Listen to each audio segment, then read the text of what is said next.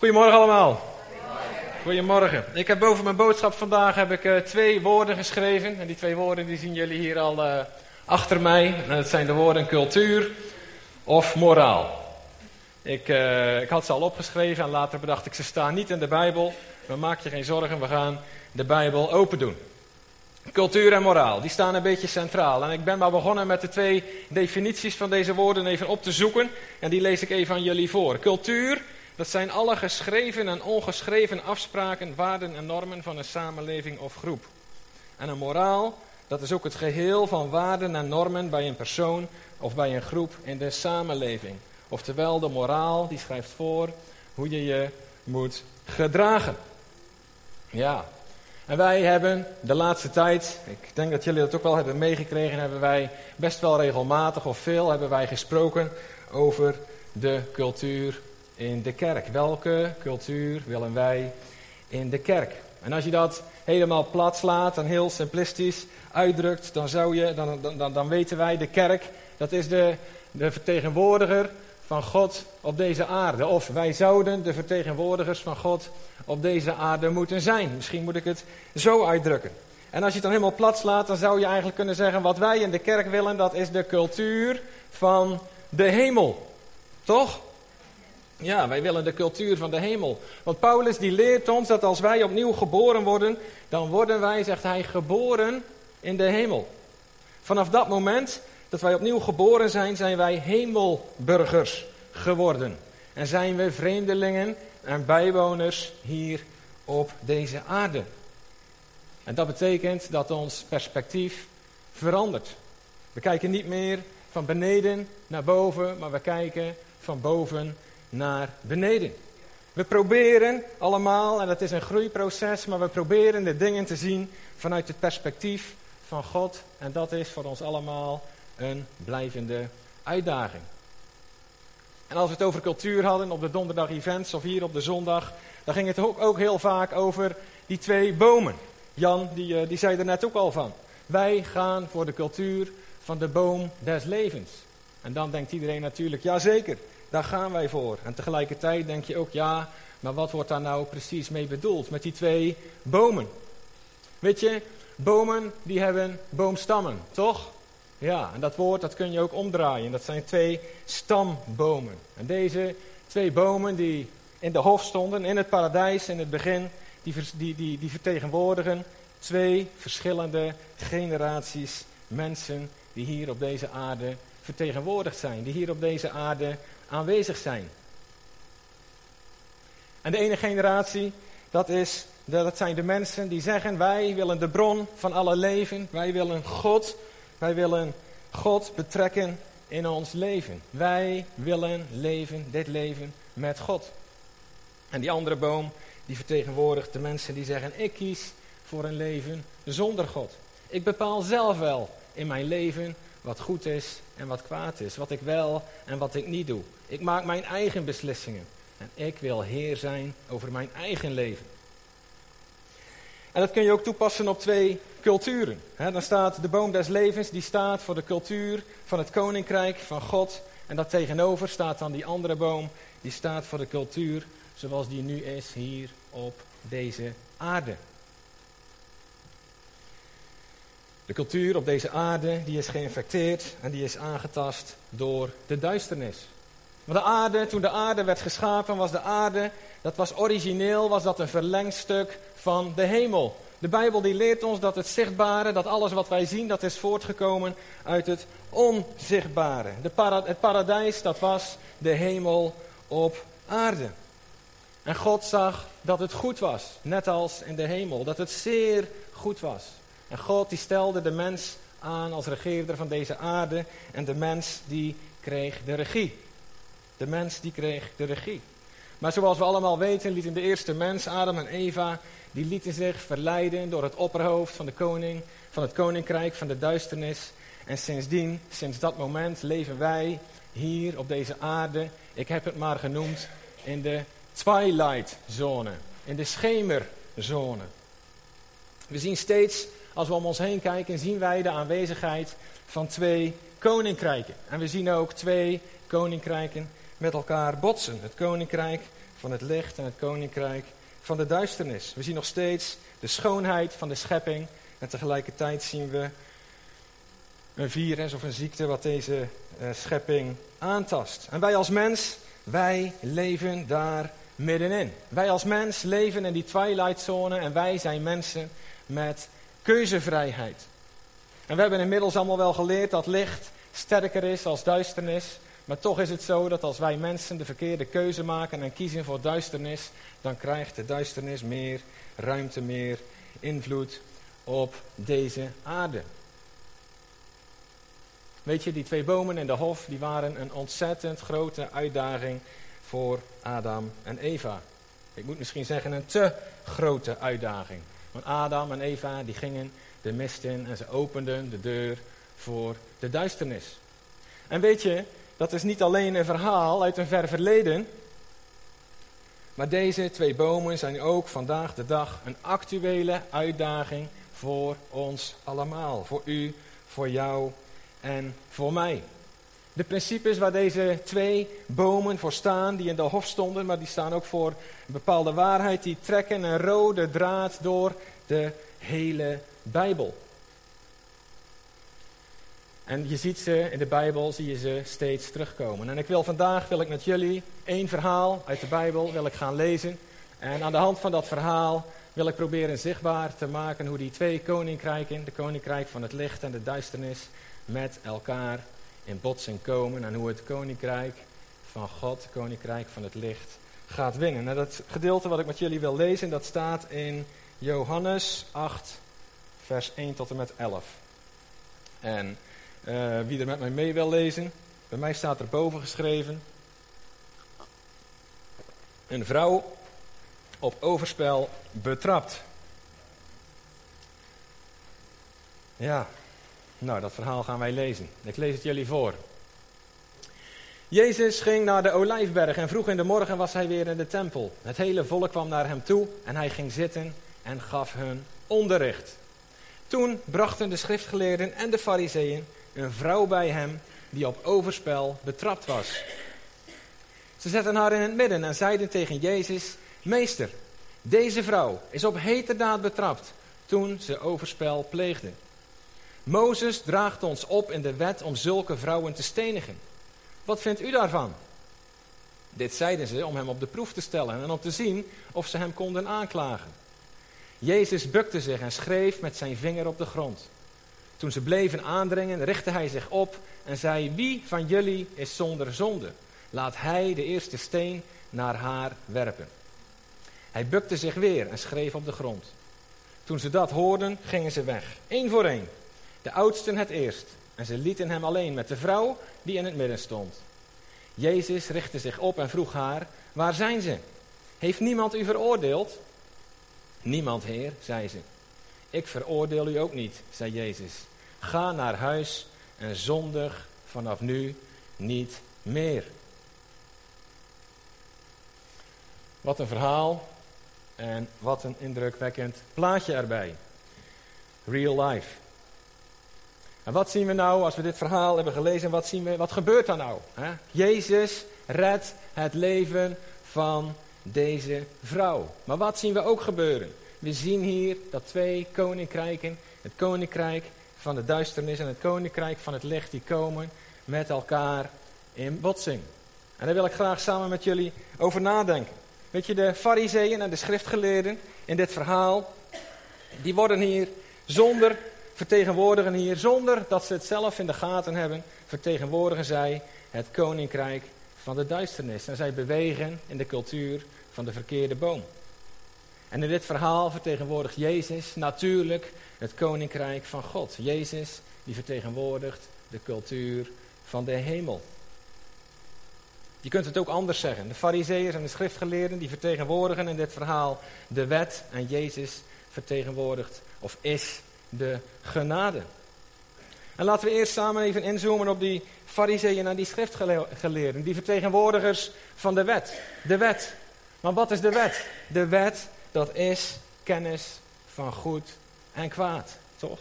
De wet, dat is kennis van goed en kwaad. De wet, dat is de moraal. De moraal die zegt wat wel en wat niet mag, wat goed is en wat fout is. De wet, dat is de letter. En de letter die stond geschreven op twee stenen tafelen. De letter brengt dood en de geest brengt leven. De wet. De wet die doet ons denken aan de tien geboden. En het getal tien, dat staat ook in de Bijbel, staat altijd voor een test. En één ding was duidelijk. Deze vrouw was voor de test gezakt. De wet, zegt de Bijbel, de wet is heilig, de wet, is rechtvaardig en de wet is goed. De wet is door God zelf aan de mensen gegeven. En Jezus die onderschrijft of onderschreef deze wet voor 100 procent. En wat we ook lezen is dat de fariseeën en de schriftgeleerden, die kwamen naar Jezus toe om hem op de proef te stellen. Om hem te beproeven, om hem in de val te lokken. Om te zien of ze hem konden aanklagen. Ze hadden dus een slecht motief. Ze stelden een vraag met een slecht motief. En daar stonden ze dan, die fariseeën en die schriftgeleerden, voor Jezus. In één hand hadden ze een steen, dat is een beeld van de wet. De wet was ook geschreven op steen. En in de andere hand, aan de andere hand hadden ze die overspelige vrouw die ze meenamen, hun naaste, die namen ze mee naar Jezus. En ze stonden daar voor Jezus. En ze hadden een duivels dilemma bedacht. Ze hadden een duivels dilemma bedacht. En in hun ogen waren er maar twee antwoorden mogelijk. Jezus, die kiest ervoor om in te stemmen met de woorden van Mozes en te, het eens te zijn met Mozes. En dan is er maar één keus en dat is om deze vrouw te doden. En de andere optie is om deze vrouw te redden, om deze vrouw te, te redden, zou, zou, zou, zou Jezus het niet, zou Jezus de, de, de woorden van Mozes moeten herroepen. En beide opties, dachten zij, zal Jezus in de problemen brengen. En dat is wat ze graag wilden. Jezus aanklagen, Jezus in de problemen brengen. En reken maar dat als Jezus had gekozen voor optie 1, als Jezus er had voor gekozen om in te stemmen met Mozes, dan hadden ze die steen, die hadden ze overhandigd aan Jezus. En dan hadden ze Jezus de eerste steen laten werpen. Dan hadden ze dat aan Jezus gevraagd. En je kunt je voorstellen dat dat, dat wat daar gebeurde, als je daar aanwezig was, eh, als je bij dat moment was, dan was de spanning die was om te snijden. Want wat gaat hier gebeuren? Hoe gaat Jezus dit oplossen? Die vrouw die was daar in een benarde positie. Haar leven stond op het spel. Ze was een paar minuten nog van de dood verwijderd. En Jezus, iedereen keek naar Jezus. Wat gaat Jezus doen? Wat gaat Jezus doen? En wat doet Jezus? Jezus blijft in de rust. Jezus, die bukt zichzelf. Staat er. Hij bukt. Hele menigte. Spannend moment. Iedereen denkt, wat gaat er gebeuren? En Jezus die bukt en dan staat er, hij schrijft in het zand. En iedereen denkt dan natuurlijk altijd, ook ik, wat schreef Jezus nou in het zand? Hoe kun je nou op zo'n belangrijk, op zo'n spannend moment in het zand gaan schrijven?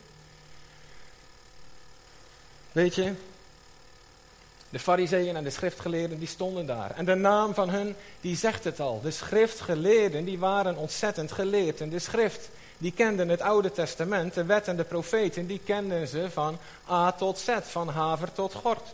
En toen Jezus in het zand begon te schrijven, dan kan het niet anders of de fariseeën en de schriftgeleerden, die wisten waarom Jezus dat deed. Waarschijnlijk dachten ze aan de woorden van Jeremia. De woorden die Jeremia had opgeschreven. Want Jezus sprak geen woorden, maar hij zei wel wat. En wat had Jeremia voor woorden opgeschreven? Jeremia, hoofdstuk 17, vers 13. Ik heb die tekst heb ik ook op een dia. Die mag je laten zien. En in Jeremia, daar staat geschreven: Heer, bron van Israëls hoop, wie u verlaten, zullen te schande staan. Wie van u weggaan, zullen in het stof worden geschreven. Want ze hebben de Heer, de bron van levend water, verlaten. Ja, Jezus citeerde deze tekst niet. Maar hij sprak tegen de fariseeën en de schriftgeleerden, zonder één woord te zeggen. Wat Jezus hier deed, was dat hij eigenlijk zonder woorden tegen die fariseeën en die schriftgeleerden zei, jullie, jullie, jullie zijn helemaal de weg kwijt. Jullie zijn van God losgeraakt. Jullie als kerkleiders, jullie zouden God moeten vertegenwoordigen. Maar wat jullie hier doen op dit moment, dat is precies het tegenovergestelde. Dat is precies wat je niet moet doen. Zie jezelf dan nu eens staan, met in je hand een steen en in de andere hand de, die, die, die vrouw. Klaar om dood en verderf te zaaien. En die vrouw, die staat daar maar. Die, is, die, wordt, die wordt gebruikt voor, door de fariseeën en de schriftgeleerden om hun gelijk te halen ten koste van deze vrouw. Wat een spannend moment.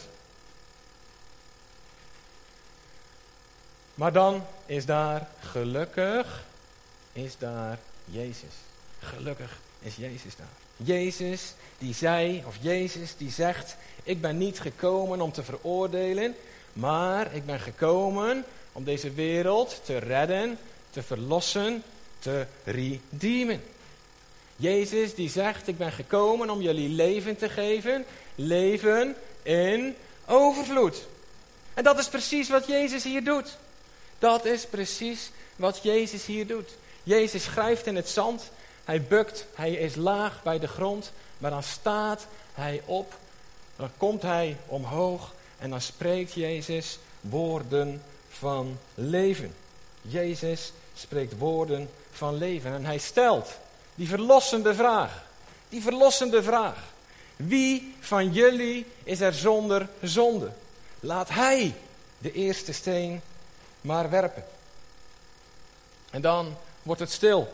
Dan druipen ze allemaal af. Niemand durft meer een steen te gooien. De stenen die vallen op de grond. En als de laatste aanklager vertrokken is, dan zegt Jezus tegen deze vrouw. Dan zegt Jezus tegen deze vrouw: Heeft niemand u veroordeeld? Nee, Heer, niemand, zegt ze. En dan zegt Jezus: Ik ook niet. Ik ook niet. Ga heen en zondig niet meer.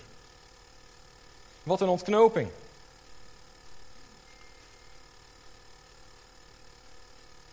Wat een redding. Wat een grootsheid. Wat een wijsheid. Wat een liefde. Wat een genade. Wat een geduld. Wat een goedheid. Wat een zelfbeheersing. Wat een vreugde. Wat een blijdschap. Wat een rechtvaardigheid. Wat een kwetsbaarheid. Maar ook wat een waarheid. En tegelijkertijd ook. Wat een geraffineerdheid. Wat een geraffineerdheid. Ongelooflijk. De fariseeën en de schriftgeleerden, die worden hier zonder dat ze het zelf in de gaten hebben, ja, zonder dat ze het zelf in de gaten hebben, worden ze gebruikt door de tegenstander, dat is de Satan, om Jezus te beproeven. En het lijkt, zo dacht ik wel, een klein beetje op de situatie in het paradijs. Jezus die is daar in de tempel en Jezus die geeft onderwijs. En reken maar dat het daar druk was. altijd als we de Bijbel lezen en Jezus die geeft onderwijs, dan staat er geschreven en hij trok grote menigten. Als Jezus sprak, als Jezus stond te spreken, dan hingen de mensen aan zijn lippen. Dus reken maar erop dat het daar druk was en dat de mensen vol aandacht naar het onderwijs van, van Jezus aan het luisteren waren. En terwijl Jezus dan daar aan het preken is, dan zie ik het zo voor me. Als iedereen aandachtig aan het luisteren is, dan verschijnt daar opeens verschijnt daar een slang op het toneel. Zonder dat de mensen het zien, zonder dat de mensen het in de gaten hebben, kruipt daar een slang op het toneel. En hij komt daar als een engel van het licht. Hij komt daar als een engel van het licht, met de Bijbel in zijn hand, met een Bijbeltekst in zijn hand. En in het paradijs stelt de slang dan een vraag. Is het niet zo dat God heeft gezegd? En wat zien we hier? Is het niet zo dat God heeft gezegd dat een vrouw als deze gedood moet worden? Een beproeving, net als in het paradijs. En op dit moment een beproeving voor Jezus. Een vraag over goed en kwaad met als doel om dood en verderf te zaaien. En als dan die vraag klinkt, en je stelt je voor dat jij daar was op dat moment, dan denk je, ah, inderdaad, het staat in de Bijbel. Het staat in mijn Bijbel. Hoe red ik me hieruit? Hoe werkt dit? Wat gaan we doen? Jezus, hoe lossen we dit op? Jezus, wat nu? Want die vrouw die daar staat, dat is mijn zus, dat is mijn vriendin, dat is mijn buurvrouw, dat is mijn collega. Doe iets om die vrouw te redden. Doe iets om die vrouw te redden. Maar Jezus, die zwijgt. Jezus, die schrijft in het stof. En volgens mij denkt iedereen, Jezus, doe wat. Of, wat gaat hij doen? Dit is echt, we hebben een groot probleem. En dat doet me ook weer denken aan het paradijs. Weet je nog dat Jezus tegen de slang in het paradijs zei: Op je buik zul je kruipen en van het stof zul je eten. En iedere keer wanneer het in de Bijbel gaat over stof, dan is dat heel vaak is dat een beeld van de menselijke natuur. jullie herinneren jezelf misschien nog wel dat de mens in het paradijs die werd geschapen uit het stof der aarde. En de mens die kwam pas tot leven toen God op de mens blies. Dus iedere keer wanneer wij horen over stof, dan kunnen wij denken aan de vleeselijke natuur van de mens. De slang die zou zijn voedsel, die zou zijn voldoening halen door een appel te doen op de vleeselijke natuur. Dat doet hij ook vandaag de dag nog zo. Op de vleeselijke natuur van de mens. De Satan die appelleert op onze trots. Die appelleert op onze verlangens. Die appelleert op onze ego. En hij verleidt ons om, wij denken onze agenda, maar hij verleidt ons om zijn agenda uit te voeren. En Jezus, die is daar en Jezus, gelukkig, die heeft natuurlijk precies door wat daar allemaal gebeurt. En er staat, en Jezus bukt en hij schrijft in het zand. En wat hij eigenlijk tegen die fariseeën en schriftgeleerden zegt is, jullie spreken hier de taal van de aarde. Jullie spreken hier de taal van jullie vlees. Ja? Jullie spreken de taal van hier beneden. Zoals wij hier op deze aarde over elkaar praten. Maar dan komt Jezus omhoog. En dan spreekt Jezus, zeg ik altijd, de taal van boven. De taal van de hemel. De taal van de liefde. De taal van leven. En niet de taal van dood. En Jezus die spreekt over het leven van deze vrouw. Spreekt hij vrijheid uit, spreekt hij leven uit, spreekt hij liefde uit en spreekt hij genade uit. Woorden die passen bij de cultuur van de boom van het leven.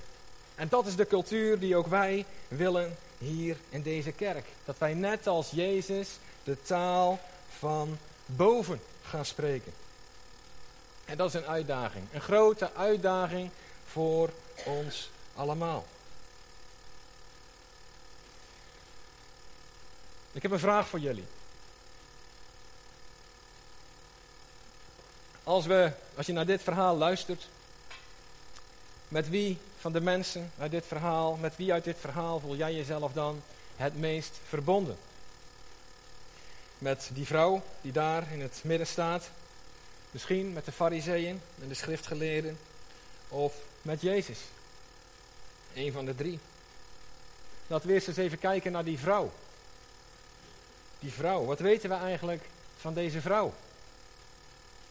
Niet zoveel. Ze wordt daar meegenomen door de fariseeën en schriftgeleerden. Ze wordt daar publiek voor de ogen van iedereen. Wordt ze vernederd, wordt ze klein gemaakt, wordt ze beschuldigd. Maar we weten niet wie ze is. We kennen geen naam. We weten niet waar ze vandaan komt. En ik zeg altijd, dat is niet voor niets. Weet je waarom? Omdat je je eigen naam kan invullen op de plaats van deze vrouw. Vul je naam maar in op de plaats van deze vrouw. Want deze vrouw die staat symbool voor jou, voor jou en voor jou. Voor ons allemaal. Want ieder mens, ieder mens heeft de wet van God overtreden en zou op de plek van deze vrouw kunnen staan. Toch? De fariseeën en de schriftgeleerden, die moesten dat nog leren. En ze liepen weg. Ze hadden ook naast die vrouw kunnen gaan staan. Maar dat deden ze niet. Ze liepen weg. Of laten we eens even nadenken over die fariseeën en die schriftgeleerden. Die letterknechten. Die alle iedere letter kenden, maar de liefde, die kenden ze niet. Althans, al niet op dat moment. En misschien denk je dan wel, ik ken wel een paar van die fariseeërs. Ik ken er wel een paar van die schriftgeleerden. Die precies weten hoe het allemaal moet. En die precies weten wie wat goed doet. En wie wat fout doet.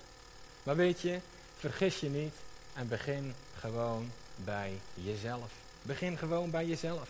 Weet je, wij allemaal hebben een klein fariseertje in ons hart. Echt waar. We hebben allemaal een klein fariseertje in ons hart. En als je niet oppast, dan wordt hij heel, heel erg groot. En dan schreeuwt hij heel erg hard. Hoe makkelijk worden mensen die iets fout hebben gedaan, ook door ons, langs de meetlat gelegd. En te, te, te, te, kort bevonden en afgekeurd. En worden ze aan de kant gezet. Weet je, vergis jezelf niet. Je kunt 100% gelijk hebben. Je kunt 100% gelijk hebben. En toch kan het resultaat van datgene waar jij voor strijdt, kan de dood zijn. Kan negativiteit zijn. Ja? Ook de wet is 100% goed. Maar als je er verkeerd mee omgaat, dan brengt het de dood. De vrucht daarvan kan dodelijk zijn. Ik moest heel even denken aan Nietzsche. Nietzsche, dat is een bekende filosoof. En die filosoof die kwam, Nietzsche, dat was de zoon van een predikant. De zoon van een dominee. Dus hij was, denk ik, opgevoed met het christelijk geloof. Maar Nietzsche die nam afstand van het geloof. En die kwam tot de conclusie, God is dood. En de mensen hebben hem vermoord. Ja, dat was een stevige. Maar hij deed ook nog een andere uitspraak. Hij zei, moraline, dat is een dodelijk vergif. En ik dacht daarover na, moraline. Weet je, ik ken adrenaline en nog wat meer van die stoffen die wij in ons lichaam hebben. En wij hebben allemaal adrenaline nodig. Om rechtop te staan, om te overleven, om een goed leven te kunnen leiden. Maar als je te veel adrenaline krijgt, als ik jou te veel adrenaline geef, dan ga je hartstikke dood. En zo is het ook met moraline. Dat is wat Nietzsche wou zeggen, denk ik. Als wij de moraal, wat goed is, is goed en wat fout is, is fout, daar doe ik helemaal niks aan af. Maar als wij als kerk het enige wat wij doen, de moraal verkondigen is, dan zaaien wij dood en verderf. Een gezonde dosis moraline is heel goed. Maar te veel moraline, dat is dodelijk. Dat is een dodelijk gif. En zaait alleen maar schuld, schaamte en veroordeling. Of voel je het meest verbonden met Jezus, de derde persoon in het verhaal? Jezus, onze held. Toch? Jezus die deze vrouw redt. Weet je, als christen willen wij toch graag op de Christus lijken, of niet? Ja. Dat is toch ons doel, om meer en meer gevormd te worden naar het beeld van Jezus Christus. En als ik dan naar dit verhaal kijk, dan denk ik, wat een uitdaging. Wat een uitdaging, maar ook wat een groeimogelijkheden. Weet je, ik dacht, wat nemen we nou mee uit dit verhaal? En ik dacht, laten we als we van deze plaats weggaan, laten we dan als uitdaging meenemen dat ook wij in moeilijke situaties, in moeilijke situaties die levengevende vraag kunnen stellen. In situaties waar je denkt, het loopt vast. In situaties wanneer jij staat voor een duivels dilemma, dat je dan geïnspireerd door de geest van God die levengevende vraag kan stellen. Waardoor, waarvan het gevolg zal zijn dat er niet dood en verderf wordt gezaaid, maar nieuw leven. Een nieuwe kans. Herstel. Dat is wat wij graag willen. Dat is de cultuur die wij willen in deze kerk. Dat mensen die, die in de problemen zitten zich welkom voelen. Dat die zich welkom voelen. Ja. En ik wil, ik wil al gaan afsluiten met nog één gedachte. En het muziekteam kan vast naar voren komen.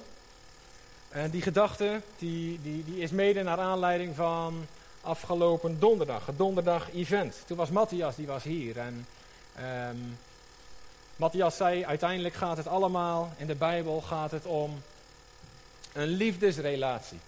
En Matthias die paste dat toe op het huwelijk. En ik vond het zo mooi dat, dat Iris net ook iets aanhaalde over het huwelijk. Want in de Bijbel is eigenlijk, staat het huwelijk centraal.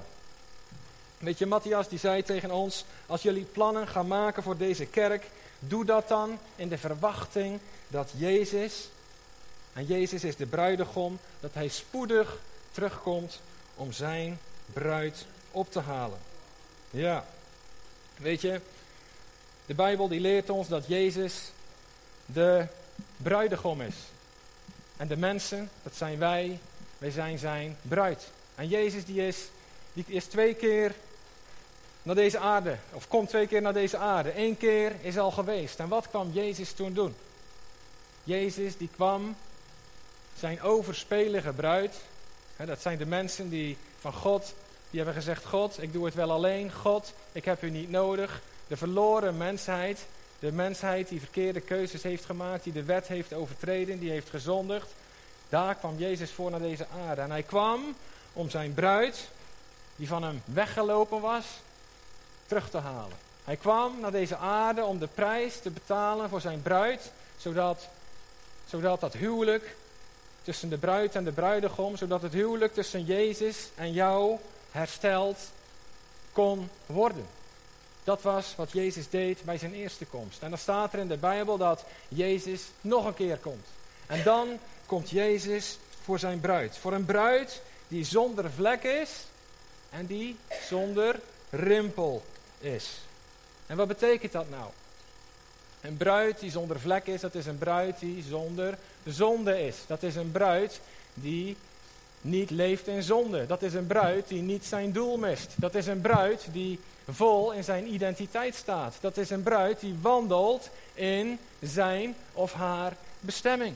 Dat is een bruid die zondeloos geworden is, die de gift van gerechtigheid heeft ontvangen. Ja? En een bruid zonder rimpel. En een rimpel, dat is het kenmerk van ouderdom. De eerste rimpel die komt er al aan. En een bruid zonder rimpel is een bruid die niet oud wordt, die nooit oud wordt. Een bruid die eeuwig leven heeft. Een bruid die voor altijd zal blijven bestaan. En dat is waar Jezus voor terugkomt. En daar worden wij ook vandaag allemaal opnieuw voor uitgenodigd. Om terug te komen bij Jezus en om die gift van gerechtigheid te ontvangen. Om dat kleed zonder vlekken te ontvangen. Om dat eeuwige leven te ontvangen. En hoe ontvang je dat? Heel eenvoudig. Door te zeggen, Heer, ik heb u nodig. Heer, ik kom naar u toe. En door ook te erkennen dat jij kan staan op de situatie, van, op de plek van deze vrouw uit dit verhaal. Die vrouw die daar op deze plaats staat en Jezus nodig heeft om haar te redden van de dood. Zo hebben wij ook allemaal zijn redding nodig. Laten we een lied zingen.